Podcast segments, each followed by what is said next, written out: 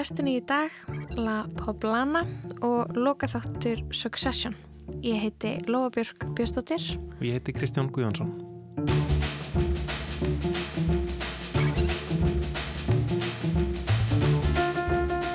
Kvítasunnu helgin að baki og við erum snúin aftur. Þetta var svona mikil menningarhelgi og það ekki lofa sjómashelgi kannski frekar. Jú, ummitt, svona tvær serjur sem að þjóðin er kannski búin að vera að horfa á saman lokaþátturinn afturöldingu kom á sunnudaginn og svo sunnudagsnóttina kom lokaþáttur Succession og margir að nota fríði og horfa sjónvarp, gerir fyrir. Já, algjörlega. Um, ég náði að horfa á báða þættina uh, og er einhvern veginn ég er svona einhvern veginn bara tómur, ég veit ekki hvað ég á að gera núna við uh, kvöldin uh, næstu, næstu vikurnar. Einmitt, þú ert að finna þér eitthvað nýtt til að horfa á. Nýtt áhuga mál. En já, við ætlum að nota þáttinn í að um, krifja þennan loka þátt af Succession til merkjar. Afturölding fær kannski sitt uh, pláss uh, á öðrum tíma. Það, hérna fólk getur kannski líka hlustað á uh, hlaðarstættina sem hafa fyllt, fyllt þáttunum með afturölding og heilanum þar sem íþróttuðildin er búin að sökka sér onni í ímsa kema þeirra þáttar en allavega, við ætlum að taka Succession fyrir loka þáttur af fjóruðu serju loka serjunni, rosalögu þáttur. Svakalegu þáttur, Svakalegu þáttur. Uh, og svo í lok þáttar það fáum við að fylgja henni heiðu vitísi Sigfúrsdóttur á meksikóska veitingastæðin La Poblana sem hefur lögavegin í nýjum lið sem við kallum Suðupottin en þar kynir heiðavítis sér veitingastæði sem að sérhafa sig í matarmenningu annara þjóða. Já, sem sagt svona fjölmenning í íslenskri veitingastæða Flóru heiðavítis kíkir hún í pottana mm -hmm. hér og þar. Það er undir lokþáttar en við ætlum að byrja á sjónvarpi.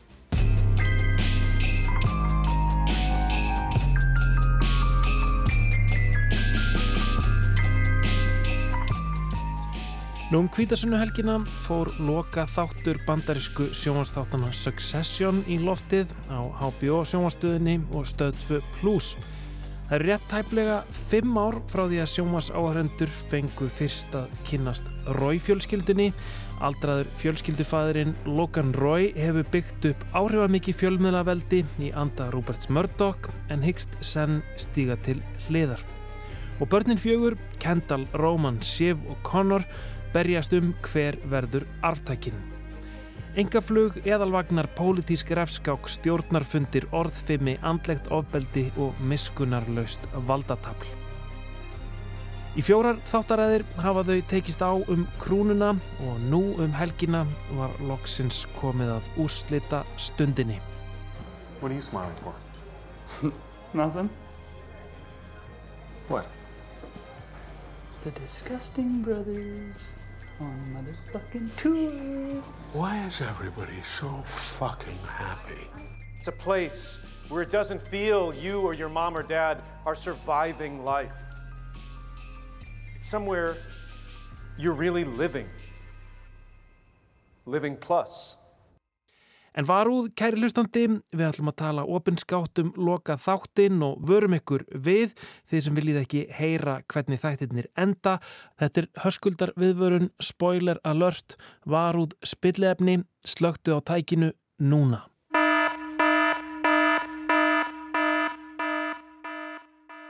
Meðal þeirra fjölmörgu sem býðu spendir eftir loka þættinum eru þar Erna Einarstóttir fatahönnur og Þórun Serðardóttir leikstjóri. En þær eru sastarengað um borði í lestina, verið velkomnar. Þinnaðu bara að horfa í gær, var það ekki svolítil aðtöp? Heldur betur. jú, jú, það var það og uh, ég var að koma utan sko á lögadaginn og náði þá þessum tveimur sem hefðu verið meðan ég var úti Svo ég er alveg með þetta í hausnum allavega þess að síðustu þrá. Þú tókst það allar svona í, í rauð? Svo tók það svolítið í beitt. Mm -hmm. Og þú fyrst pössun er maður? Já, ég var með eina fimmara sem var svolítið fyrir mér og mannum mínum og við, hérna, hann hljóp út í búðu og kefti batteri til að setja í einhvers konar robot og við svolítið svona lokaðum hann bara nýjarbyggjum með robotinu og náðum að sem sagt gáðum henni karmelu og robot og náðum að setjast yfir þetta. Einn og hálfan tíma, þetta var náttúrulega stór, stór þáttur. Þetta var stór Já. þáttur en Já. þetta var líka stórt robot en skemmt sem ekki yfir þessu. Hvernig fannst ykkur loka þátturinn? Sko, það er nú kannski, það er nú kannski, maður það kannski svolítið að sko hugsa um þetta í heilt þegar það kemur að þessum loka þætti og ég sko, ég er nú ekki við sem ég hefði hort á alla þættina í gegnum árin. Þetta var svolítið sko framanna fannst mér þetta stundu vera svolítið endutekning og svona maður var einhvern veginn alltaf á sama stjórnafundinum og alltaf verið að slást um atkvæðin og sískininn alltaf að berjast. En svo einhvern veginn þessi síðustu þrýr þættir finnst mér langt bestir. Þú veist, ná einhvern veginn að nýta þetta saman í lokin og ekki síst bara leikstílinn. Og til dæmis í gær, þó þetta hafa nú verið mikill stjórnafundur, að þá var hann allt í einu skiljanlegur.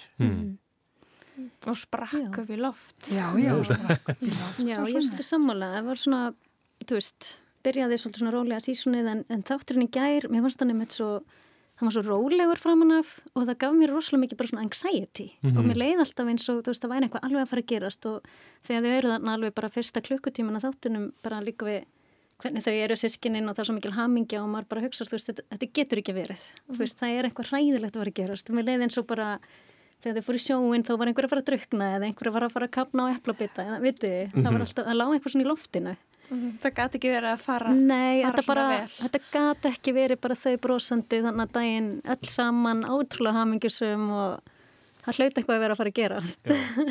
En, en eins og þú segir Þórum þá hérna, þá er þetta kannski þátt að raðirnar allar hafa verið svona, verið svona soltið já, endurtekningasamar, það hefur einhvern veginn verið eh, alltaf þegar einhver virðist vera að ná völdum þá, þá stígur faðirinu þetta inn í og, og, og, og, og hristir upp í, í spilunum. Þannig, að- þannig ég, ég er alveg sammálegar ég var farin að finna fyrir svona smá þreytu að það kæmi aldrei neinn nein úrlöst Já, og líka sko að þetta er svo flókið, auðvitað hefur verið talað um og eitt af því sem að þættirnir fá hrós fyrir er hvað það er mikil, sko, hvað, hvað er mikil insýn í þennan fjármálaheim.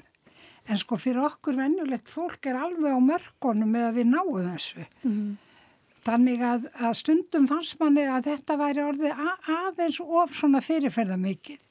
En svo einhvern veginn í lokin þá þegar, þegar það nálgast náttúrulega hið raunverulega enda drama sko, þá, þá hreinsast svo mikið út og þetta er þetta bara aðferð Shakespeare sko.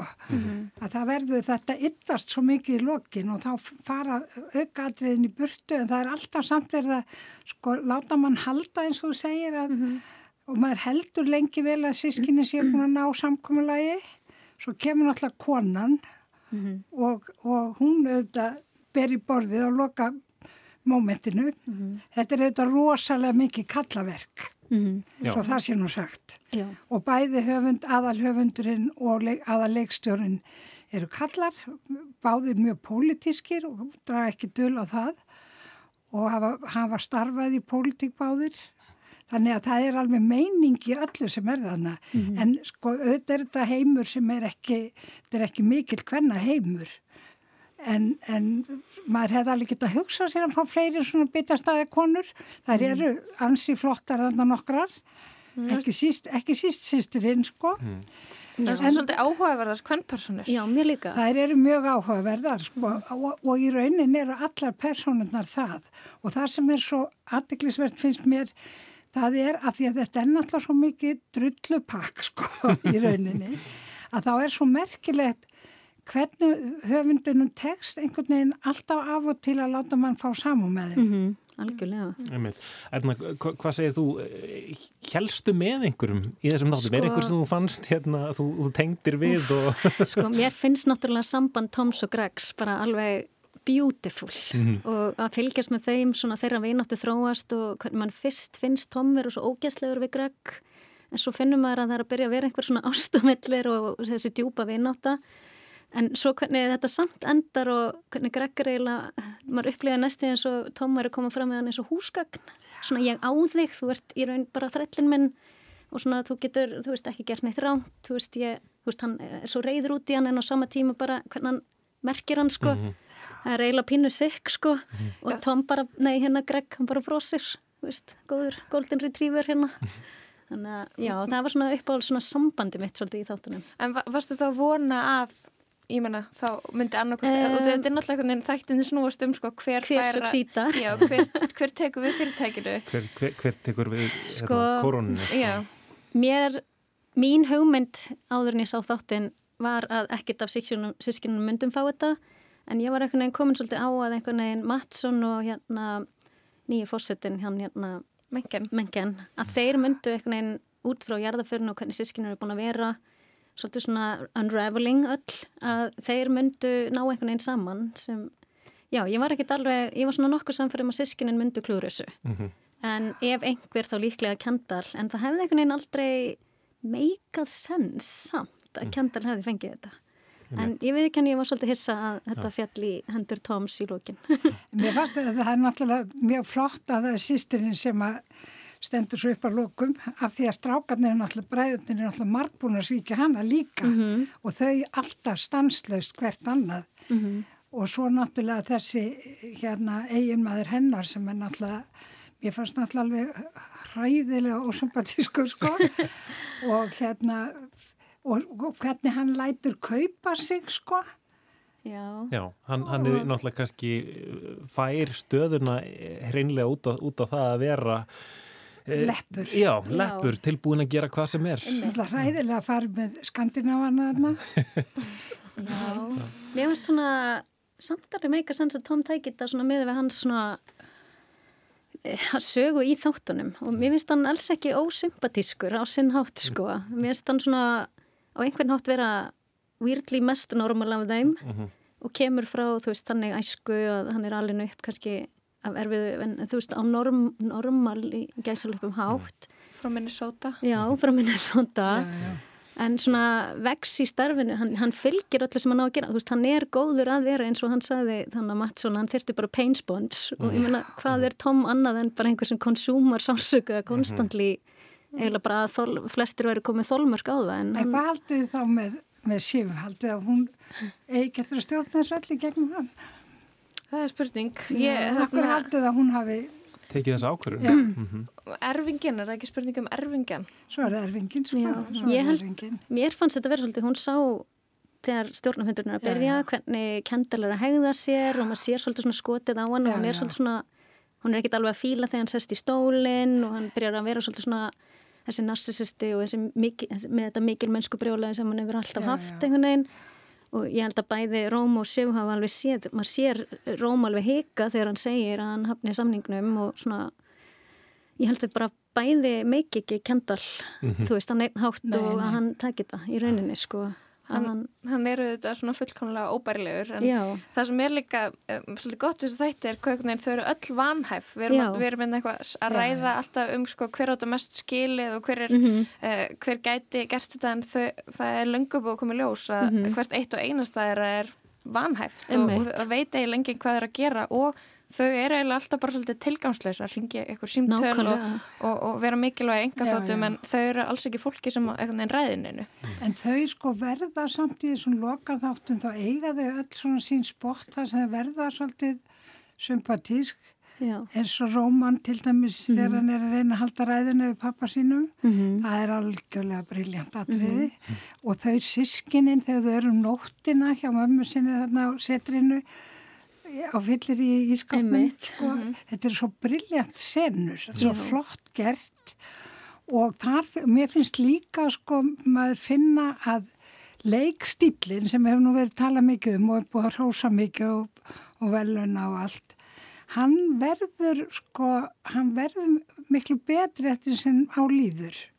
Mhm, og þá einhvern veginn þá enda he- las ég einhverstaðar að þá er eiginlega leikstjóri næstu við hættur að leikstýra þeim þá eru þau bara þau vita hvað þau er að segja og hvað er að gerast og svo eru þau bara laus sko. Já. og þá, þá verður þetta ekki sko aldrei tilbúið. Mhm, það er það sem er svo svakalega flott fyrst mér, það er þessi hvernig þau sko e, þau eru aldrei að leika. Einmitt. Þetta er allt svo, hérna, mér finnst það aðeins að vísu hjá Sif, mér finnst hún er að fara inn sko aðeins svona í lokin að sko aðeins leikstillin orðin svolítið fyrir henni, hún er að leika sér meðan, svona hún er að sko improvisera svona, það fer, verður aðeins svo fyrirferða mikið en, en strákarnir finnst mér algjörlega briljant í þessu og verða líka eh, sympatískir.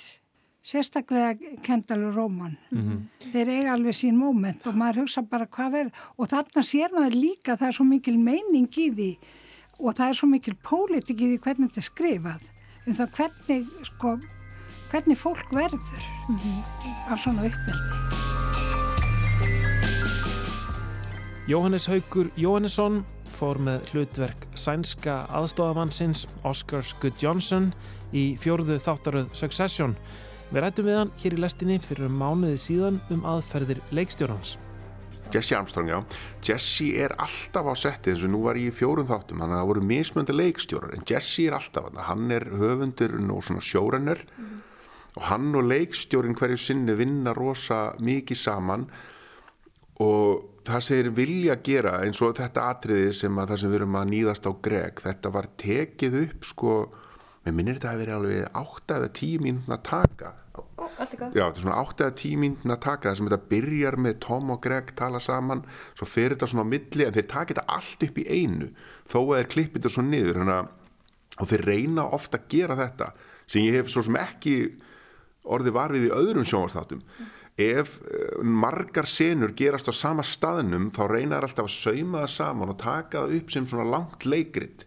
Þannig ná þeir svona betri flæði í þetta og, og svo er, þeir, er Jesse endalust að stinga að manni alls konar setningum og prófa að segja þetta og, og hérna þannig að og þeir hvetja mann líka til þess að bara ef mann er dettir eitthvað hug, bara kottu bara með það og þannig að maður svona stundum let bara eitthvað flakka og hérna, en svo kannski rataði ekkert í final klippið, en stundum gera það En það er eitthvað svona smá spunni og þeir eru svona smá frjáls en Já, að, svona innan rammans þeir, þetta er rosalega meitlað sko, þetta sem þú tala um þetta valda jafnvæði, hvernig það breytist og skiptist, þeir eru rosalega að passa saman upp á það.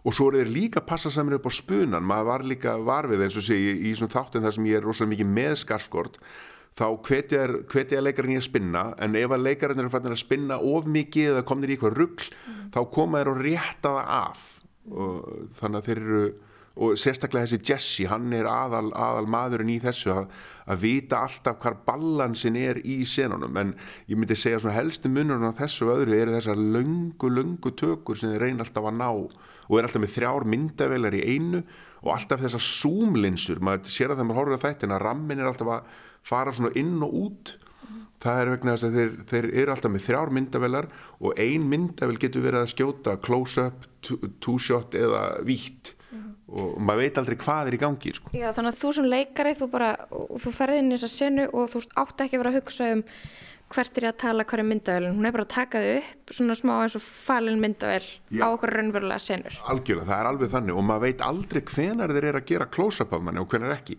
sem er ólíkt því yfirleitt veit maður nákvæmlega hvenar verið að gera víðaskotið? Hvenar verið að taka close-up af hinum leikarunum?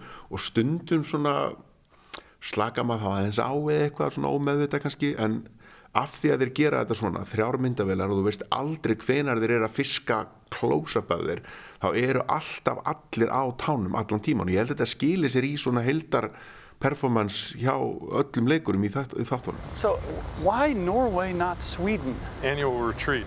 Anyway, Norway, Sweden, what's the difference? They're all descended from the same rapists. Well, excited to get a feel for Scandinavia and, and some hotties. The hotties. Right? The Arctic foxes, bit of Norwegian wood. Greg? Þú varst þarna röttin í, í símsvaranum í, í, Fjóruða? já, var í fjóruða. Svo það var einmitt svo grillað því að það er það fyrsta sem ég geri í þáttunum og það gerði ég ég var í tökum hérna í London á The Witcher þriðju seríu og er á hótelherbyggi og þeir eru að byggja með, þetta er nefnilega ekki hljóður þetta, ég sagt, var í símanum á meðan þau var að taka upp senuna í New York. Þannig að ég sat á hótelherbygginu í held ég þrjá klukkutíma með þau tók upp senuna aftur og aftur með síman og svar alltaf bara í síman og leik senuna á móti Oh, hi, this is uh, Oscar on Lucas's phone. Um, oh, hey, Oscar. Uh, this is Roman Roy. Uh, Lucas called, but I was just rounding up my chimpanzee friends because they want to say hi too. Is he there? Uh, oh, uh, no, he, uh, he went now, he says. og þannig er ég ekki búin að hitta þau ég er ekki búin að fara ánga þannig að þetta var svo grillað að heyra að því ég þekki rattir þeirra svo vel að allt í nýju heyri ég bara í Ken og Róman og Shiv og er að leika senumótið þeim á einhverjum spíkar og það var rosalega súrealísk upplifun sko. Þetta var Jóhannes Haugur Jóhannesson. En við erum að ræða loka þátt Succession við þær Ernu Einarsdóttur, Fatahönnuð og Þórinni Siguradóttur, leikstjóra.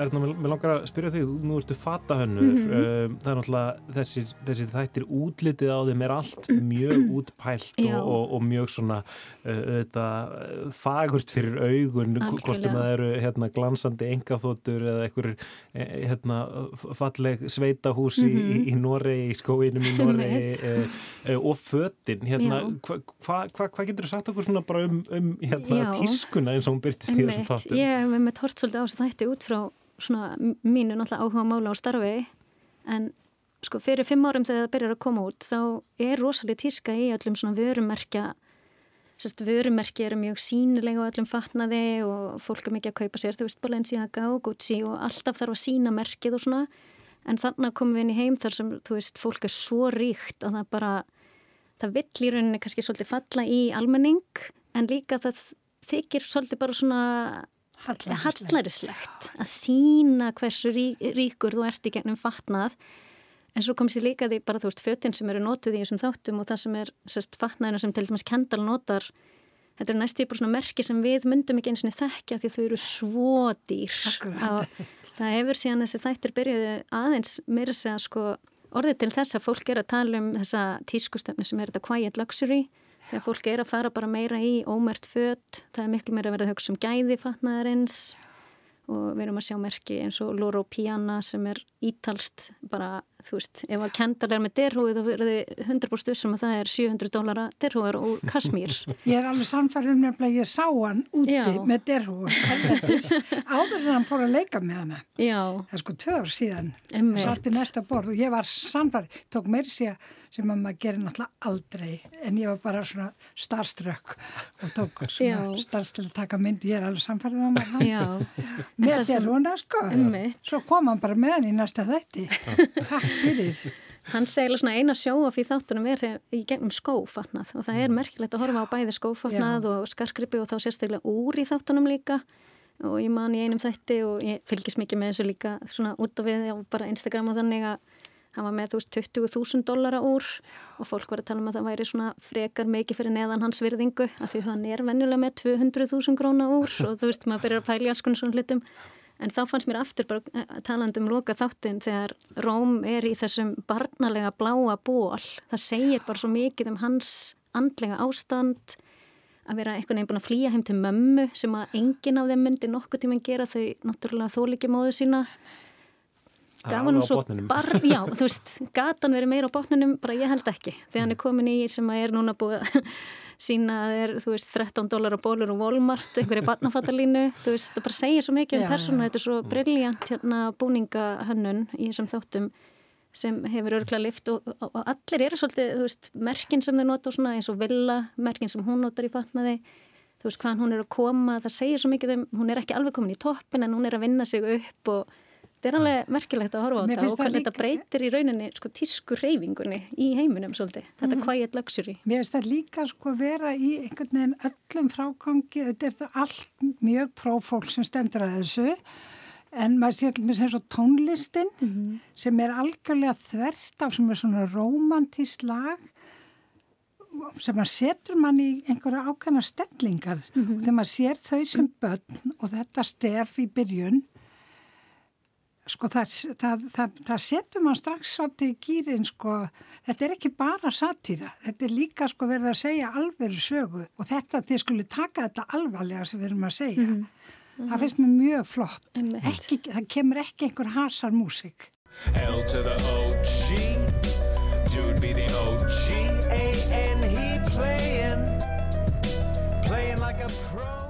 Yngvar E. Sigursson leki í annari serju af Succession sem var tekin upp að hluta til hér á Íslandi.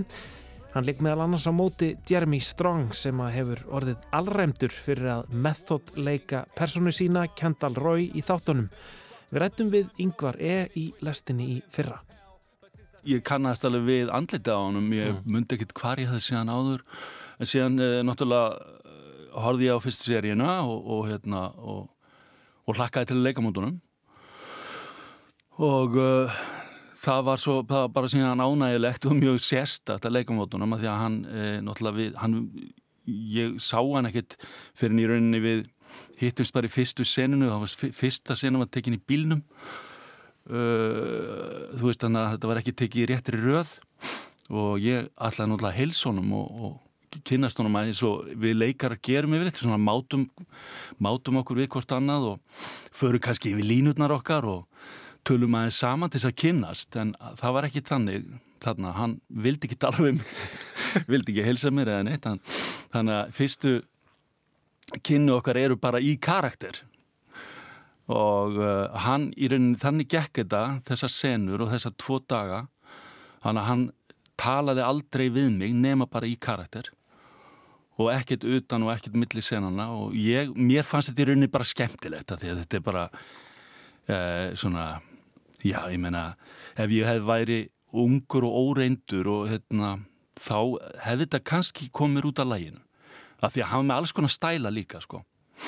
En uh, mér fannst þetta bara þú veist, skemmtilega áskorun sko. Mm -hmm. og mér er þess að leikstjórun kom til mín og, og, og, og afsakaði hann að hann væri svolítið svona methodi og ég sagðist bara virða það þá hans aðferð. So, it was felt Sandy, Stewie and Macebury Capital wouldn't proceed with their bid without you, but they have gone public with a bear hug and you could stop it. Okay, yeah. My dad wants me to do it. Uh, I'll, I'll do it.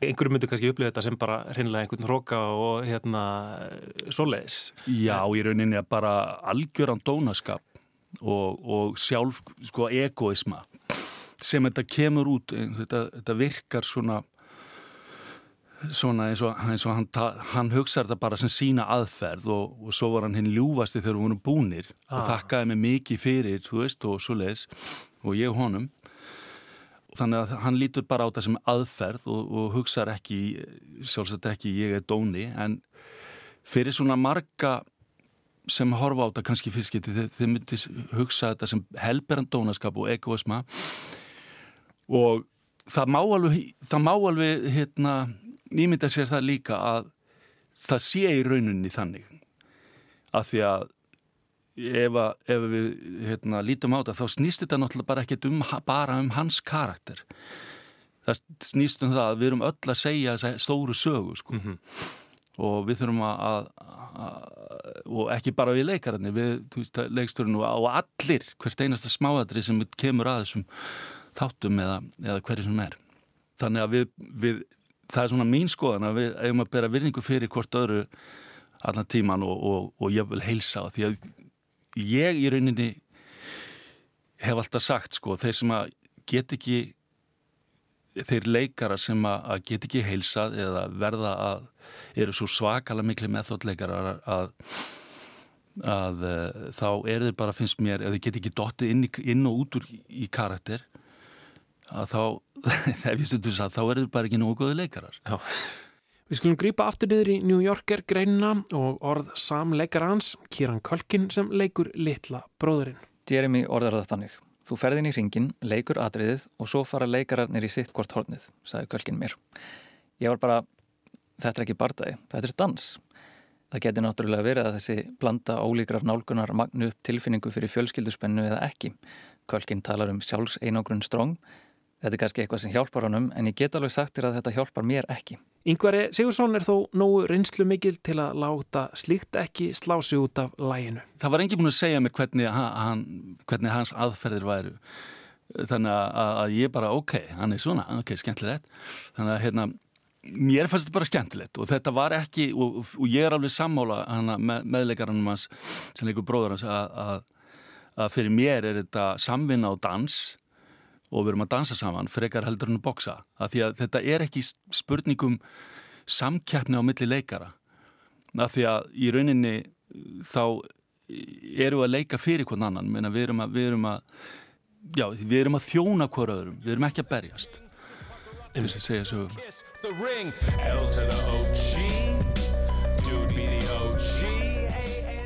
Sæði Yngveri Sigursson Við erum að ræða loka þátt Succession við þær Ernu Einarsdóttur, Fatahönnuð og Þórunni Sigurdóttur, leikstjóra. mér er svolítið merkilegt þegar Rúf síndi hérna fyrir nokkrum mánuðum, ef ekki árum hérna, heimildathætti um Rupert Murdoch mm -hmm. sem að ánáttúrulega vera fyrirmyndin að mm -hmm. Logan Roy og, og, og, og börnin hans hafa verið að berjast um völdin í, í fjölmjölaveldi hans en mér er svolítið merkilegt þegar þessi heimildathættir koma á Rúf Um, sem eru gerðir bara núna fyrir nokkrum árum. Um, þá var uh, ingangsskotið og in, ingangslægið greinlega undir áhrifum frá Succession sko. já, þannig að okay, þá var já. einhvern veginn sko, e, full circle bara. Já, það var farið að Succession, Succession farið að hafa áhrif á hvernig við upplifum Murdoch fjölskyldinu og, hérna, og hvernig hún er byrkt sko. í menningunni. Akkurat, það, hann hefur náttúrulega alveg, það er ekkit launungamála að að, Jesse Armstrong sagt, höfundurinn, aðal höfundurinn sem er bretti hann byrjar mjög snemma að stúdera Murdoch mm -hmm. og var ekkit uppalega húsum endilega að gera svona sjóaserju var svona að prófa sér áfram með, með hva, hva, hvernig hann ætti að fjalla um hann. Og það, mér finnst það aðdeklisvert hvað hvaða er mikil pólitík í, í þessu raun og veru. Mm -hmm. Miða við það að, að þetta er sínt náttúrulega í bandaríkjunum og allstaðar og ég er ekki veist með að fólk komi alveg, sko, fattið alveg strax. Ég finnst þetta að það fyndið það verður svona erfitt að, að fylgja söguþræðinum. Það er, uh, það er þetta stóra drama ég meina um sko sem, það, það snýst um að finna hann erfingja en mm -hmm. mér finnst eins og svona alla viðskiptaflækunar og pólitíkin og, og fjölmjöla ling, lingóið stundum svona reynir ég kannski að hugsa ekkert ómikið um það og þegar ég skil, ég skil ekki alveg vísanirnar mm -hmm. og, og veit ekki alveg hvort þetta skiptir máli og, og hugsa um þetta meira sem sko bara svona undirspill Já Það er rosalega fyrirferða mikið oft, sérstaklega framanaf. Já. En mér finnst að verða, og þetta koma svo alltaf þessi stóru dramatísku móment á milli og stundum verður þetta bara eins og grísk tragedía. Mm -hmm eins og í kringum dauðakalsins og allt þetta mm -hmm. þá mhm. allt einu breytist þetta svolítið og það eru atriðið þar sko sem að maður hefur lesið um að sem leikarætti bara gera mm -hmm. sem er ekki instruerað að leikstjóra -hmm. af því að þá eru þau einhvern veginn komið með þetta svo mikið í blóðið svo eru þetta að tala mikið um sko þennan leikstíl þennan method acting sem ég held að sé nú svolítið verða sko skrúfa upp Mm -hmm. leikarar hugsa ekki svona sko, það er engi mm -hmm. leikari sem er hugsa um hvað metóða notar sko, mm -hmm. þú bara fer, ferð, ferð í þitt hlutverk og, og, og hérna reynir að tilenga þér eins vel og getur og þegar þú búin að vera svona lengið í eins og þau þá náttúrulega góði leikarar þá verður þetta bara svolítið partur af þeim með, með þau í þessu en þau eru ekkert þau eru ekkert, búin að gleyma því að þau eru leikarar, mhm. þau, leikarar er alltaf leikarar, mhm. þú verður ekkert karakterinn ef þú ert að gera það þá ertu að þá er það svolítið svona sjóaf mhm. held ég Já. en það er aftiklisvert hvernig þau sko hvernig þau fá að einhvern veginn stjórna, maður finnur það alveg þetta er tæmingarnar þegar þetta er ekki leikstýrt mm -hmm. þetta er rosalega organist mm -hmm. og ekta gert En lítur samt að vera skrifað ansi nákvæmlega því að þessar hérna þessar línur sem er sko nánast hver einasta lína gæti hérna einhvern veginn verið prentuð á, á einhver staðar og, og orðið bara svona klassísk sko. Þetta er bara allt svo, svo fullt af íkonískum frössum Ég held samt að sko svona góði leikarar þeir myndi aldrei þóla að vera sko instrueraður mm. í ræmur sko. Mm. Það er, þið, þú veist, þú, þú ert bara dátti frjáls, þú færð megin stefnuna og svo, mm. jújú, jú, svo er það náttúrulega klift og, og allt það og þú getur stýrt svolítið tempóinu þar en, en maður finnur það alveg að þetta er, þetta er rosalega flott leikstjórn og þetta er þetta líka mjög reyndur leikstjóri sem er mm. megin svona, megin höfundur leikstjórnar aðferðarinnar mm. í þessu. Ég sá svolítið flott uh, viðtal við uh, leikaransleikur Tom Wamskans Matthew McFadden sem var að tala um að í leiklýsingunni fyrir lokasinn að það sem að Shiv og Tom keira í burtu á, mm -hmm. á bíl að, að þá því Jesse Armstrong skir, skrifa að þarna að, að þetta hugsa þetta sem tvær uh, sprengjur fluttar í burtu á, á flutningabíl. Já, svolítið rosalegt tensjón í bara hvernig mm -hmm. þau svona, hvernig hendurnar sita þú veist, hvernig það er bara svona rétt svo snertast en ekki takast í hendur og þetta er rosalegt tensjón, þetta aðriði. Hvert einasta smáadriði hugsa fyrir því sem þáttum um, og stórkastlegur leikur. Já, mér finnst þið með líka svona hvernig hann svona umturnast Tom, bara akkurat í þessum síðustu sekundum þennan labbút, hann er allt í hennu upplifur hann sig sem svo valdamikinn og allir eiga hlýðun, eða þú veist vitið, Mhm. það er bara svona viðsnúningur á að vera ekki lengur þessi underdog. En það er líka, sko, það er líka náttúrulega þetta fjallanlega ekki svo rosalega, auðvitað eru þau rík og eiga nú að pengu og alltaf, en það er alltaf völdin sem er nummer eitt. En það má og síðan hann alveg- verður smitast auðvitað af þessu, hann verður bara einn af þeim. Þau eru náttúrulega ekki endilega eldast við peninga, heldur Nei. völd. Þetta er snýst ekki, þau eru mjög óhamingjusum búin að græða biljónir dollara, Já. þú veist. Og þetta er kannski ekki endilega hægt að segja einu svona Tom hafi unnið eitthvað. Þetta er ekki endilega vinningur, en Meira fangelsisvist. þetta er ákveðin En það er fangelsisvist. aðtiklisvert að það er vist engar líkur á að komi framhald. Og það er kannski bara ágætt að, svona, það er ágætt, að, því að þeim tekst að nýta þess að enda svona, Mhm. enda svona rosalega vel saman, uh, búa til ótrúlega eftirminnilega og sterka loka serju, loka Mhm. þátt og loka senur. Mann finnst svo samt fallegt að það hafi eitt svona miklum tíma í loka þettinum í þetta atriði með sískinunum hann heima hjá mömmu sinni. Að því að svona mín tilfinning er að þau munu aldrei tala saman aftur. Þú veist, Kendall, þú veist, ég menna hann, það er erfitt að laga þetta reyfrildi sem átt sér stað þó að þau séu mjög náinn hvort öðru og svona en þetta er svolítið stórt rift. Mhm. Þannig að þau áttu þarna ótrúlega fallega stund saman, hlóið saman og mér varst einmitt hérna, leikarinn sem leikur Kendall, hann leikir þetta svo rosalega vel, hann var svo barnalega gladur að þau væri búin að leifa hann um að fá þetta einhvern veginn og svona satt bara eins og giggling einhvern En svo er veginn. náttúrulega loka, loka mómenti með honum er alveg rosalega Já, flott. það er það. Og, hérna, já. Og tragist, sko, þar verður þetta svona gríst. Já. En hvað haldið þið, um, þetta eru augljóslega svona, já, þeir þættir svona undarfærin ár sem að hafa fengið hvað mest lof, gaggrínenda og, og vinseldir. Haldið að þetta sé þættir sem að við munum horfa á aftur eftir 5 ár, eftir 10 ár, 50 ár? Ég held það.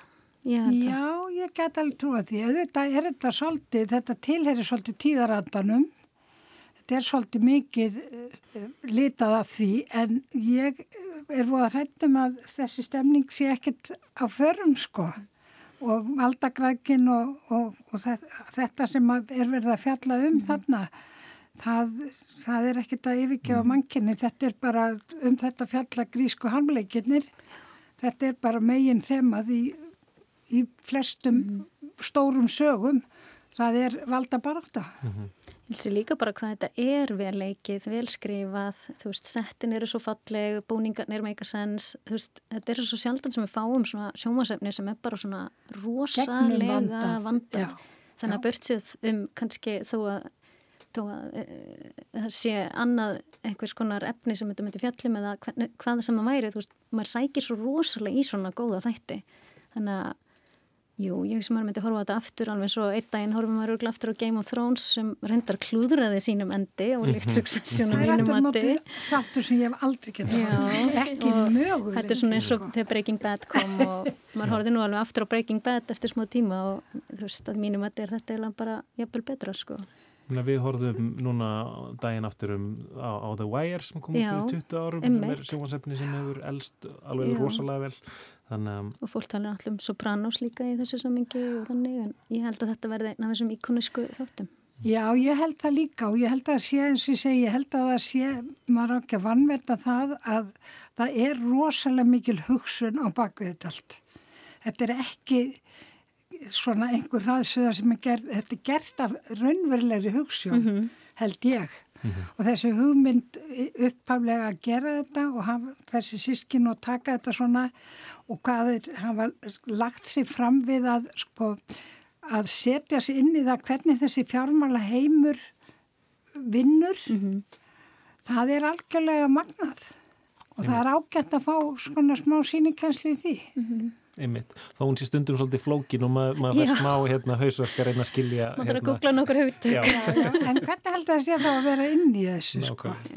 Það er sko, fólk þarf algjörlega að fylgjast vel með öllu því að það er alltaf verið að plotta hvert einasta öfna tillit þýðir eitthvað. Einmitt. Nú, nú horfi ég svolítið á hérna raunverulega þætti sem heita Survivor sem er reyndar mikið gert grína mér fyrir að horfa ennþá á en maður upplýði svolítið eins og þetta væri lokaslagurinn hérna í síðustu og, Já, og mikið já. á svona succession er svona eins og að fara í tribal council þessir Já, hérna fundir og þannig, þannig að það er allir að plotta í sínu hotni og með samtöl við nokkra til að hafa einhvers konar útgönguleið og þetta er Þetta er virkilega svo flott vandaður til dæmis þegar að sko af því að þetta verður, það kemur þessi sena þarna um nóttina og svo er þau allt í einu komin inn á fundin og svo er bara allt í einu, bre- er bara allt í slagsmálum á sko svona flottum fundum. það er algjörlega ótrúlegt sko og það verður ekkert yfirgengilegt, það verður algjörlega rétt. Einmitt. Það er bara mest þess að drafstengin. Einmitt. Einmitt, Við gangum all sátt frá borðið eftir hennan loka þátt þó að uh, það sé nú komið kannski svolítið stort tómarum í, í allavega þennan hluta lífsmanns, sjómarps uh, hluta lífsmanns. Takk ykkur kella fyrir komuna í lestina Þórun og, og Erna og takk fyrir að gera upp loka þáttin með okkur. Takk, Takk fyrir það.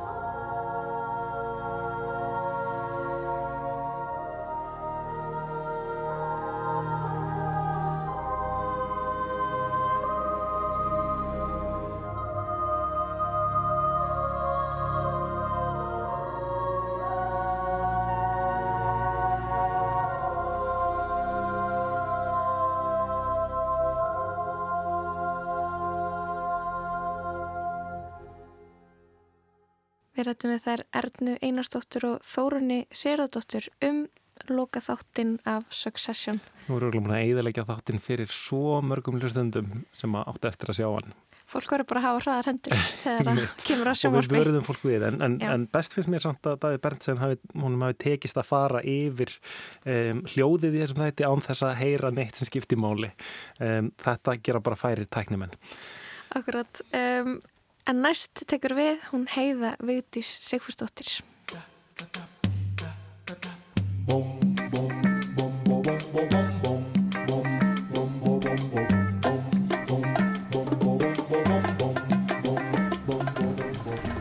Ég er stödd hérna á La Poblana Taqueria á laugavegi nr. 2 og hérna inn eru kaktusar, það er mexikoski fánin, stittur og frumbyggja menningum Mexiko. Uh, this is a mural that my friend Otto made for us, and it's a representation of Mictlantecutli and Huitzilopochtli, which is the god of the underworld and the god of the war, Mex Mexica Aztec war. Já, á stóru veglistaverki tróna astekaguður undir heim á stríðis yfir veitingagestum. Og hérna á vegnum við ingangin er líkneski af uh, La Virgen de Guadalupe sem er dáðasti dýrlingurinn í Mexiko og það er búið að rúla upp peningasælum og koma með fyrir hjá henni örgulega til þess að byggja um góðan mat eða bara byggja um gæfu. Og það eru íslenskir seðlar.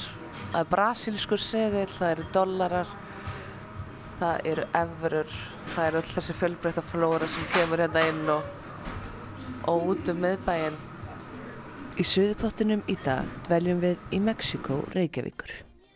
Puedes empezar en presentarte en Íslandis? Já. Uh, hæ, ég heiti Carlos, ég er frá Mexiko. Uh, ég er 38 ára. Ég á að veitingastá á Logavegur 2.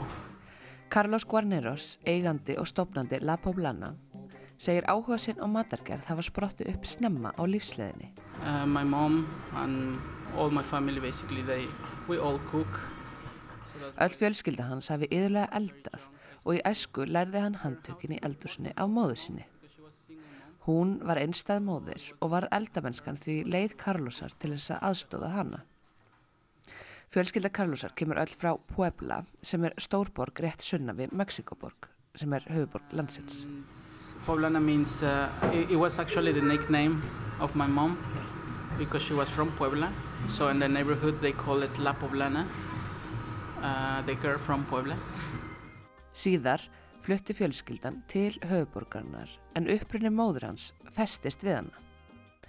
Í hverfinu þar sem Carlos ólst upp var hún því yðurlega kölluð La Poblana eða stelpan frá Puebla. So then when I came to, when when I decided to open a business, I was thinking in a name, but it was super easy for me.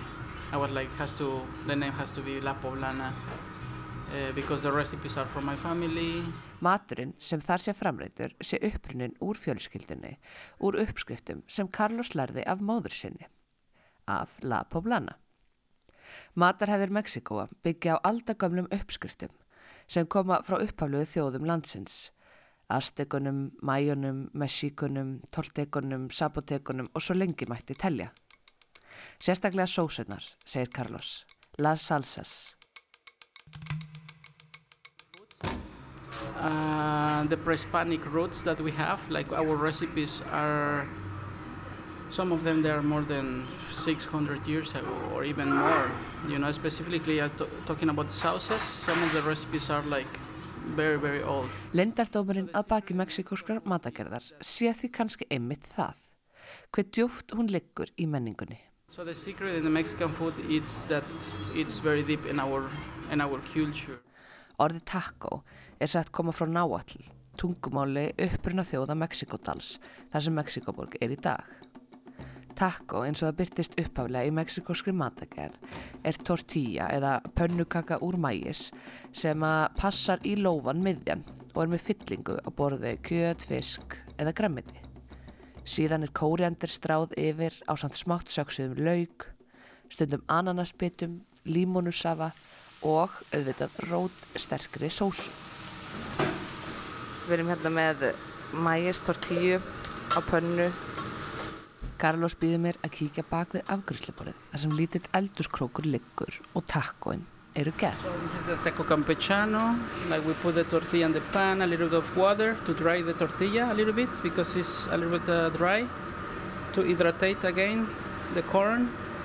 a little bit of cheese,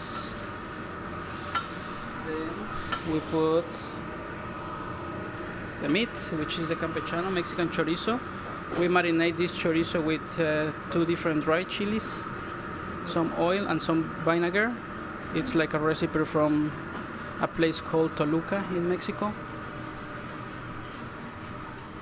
Svo við erum hérna með mægis, við erum hérna með mægis tortíu sem er örliti bleitt til þess að mýkjana upp og svo ost og svo er hérna Mexikos chorizo sem er með tveim uh, þurrkuðum chiljum sem sett, sett í þannig lög og svo er það kóriander, laugur, læm og græna sósan. Here the station of the sauces. We have this sauce which is habanero pineapple sauce. We have uh, the red one which is um, tomatoes and serrano and jalapeno Þarna er gula sósan úr habanero eldpipar og ananas, rauða sósan úr tómutum og serrano eldpipar og græna sósan úr jalapeno. Í eldúsinu er líka djúbsteikingavél til að gera nachos sem er útbúið á staðnum. Our deep fryer to make uh, nachos, we cut it here and we deep fryer, so we make everything from scratch here. Já, þarna í smáa eldúsinu er allt eldað frá grunni.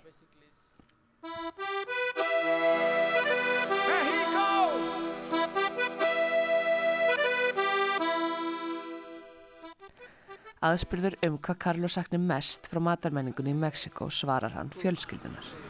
Uh, when we cook, it's like a party, you know, like everyone is involved. Your uncles, your niece, your grandmother, your mom, like everyone has a role. Í Mexiko hafi allir fjölskyldumölu með hlutverk í eldamennskunni. Öllum er bóðið. I miss that Mexican cuisine is about family and yeah. Mexikosk matarhefð snýst nefnilega einmitt í kringum fjölskylduna. Fyrir tveimur árum ákvað Carlos að opna veitingastæðin. Þá stóð hann á krossgötum. Hann hafi búið um árabil á Íslandi en haldið svo heim til Mexiko og hugsað með sér að snúa ekki aftur til Íslands. Uh, because my son was living here, is living here, so I decided to come back here to Iceland. En sonur hans var hér sem dró hann á endanum hinga til landsins. Then when I was back to Iceland, I was thinking in what way I could be happy in Iceland somehow. Og þá hugsaði Carlos með sér hvernig hann gæti verið hamingjusamur á Íslandi. Í kjölfarið ákvað hann að til þess þyrti hann að skapa sitt eigið Mexiko á Íslandi. And then is when I decided to open Poblana, which is, um, for me, is my piece of Mexico and Iceland. Og fyrir mér, segir Carlos, er La Poblana minn hluti af Mexiko á Íslandi. Því jafnvel þótt hann elski íslenska menningu og njóti þess að búa hér, þá hefur hann alltaf þennan litla stað sem er hans paradís, hans mexikoska paradís. Here, I still have this small place, which is my paradise, my Mexican paradise.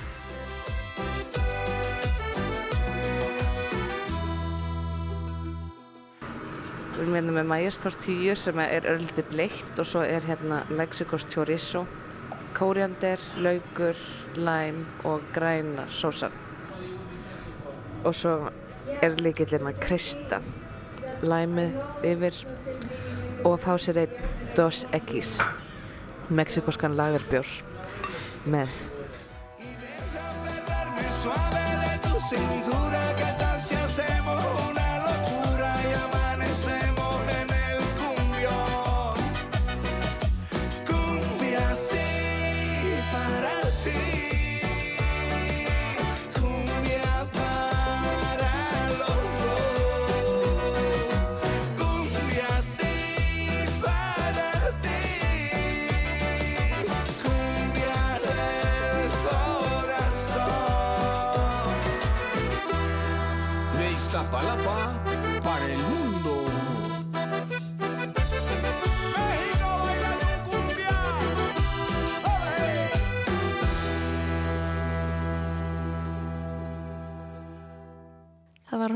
Heiða Vigdís Sigfúrsdóttir sem rætti við Carlos Guarneros, kokkin og eiganda La Poblana, mexikoska veitingastæðarins á lögaveginum.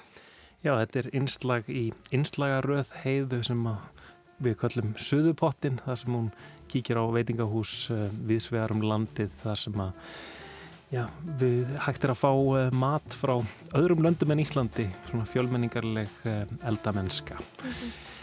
En já, lestin er komin að leiðalokum í dag. Við Kristján og Lóa þökkum samvildina og þökkum tæknumanni Davíð Berntsen fyrir gott hljóð. Og við verum hérna aftur á sama tíma á morgun. Verið sæl.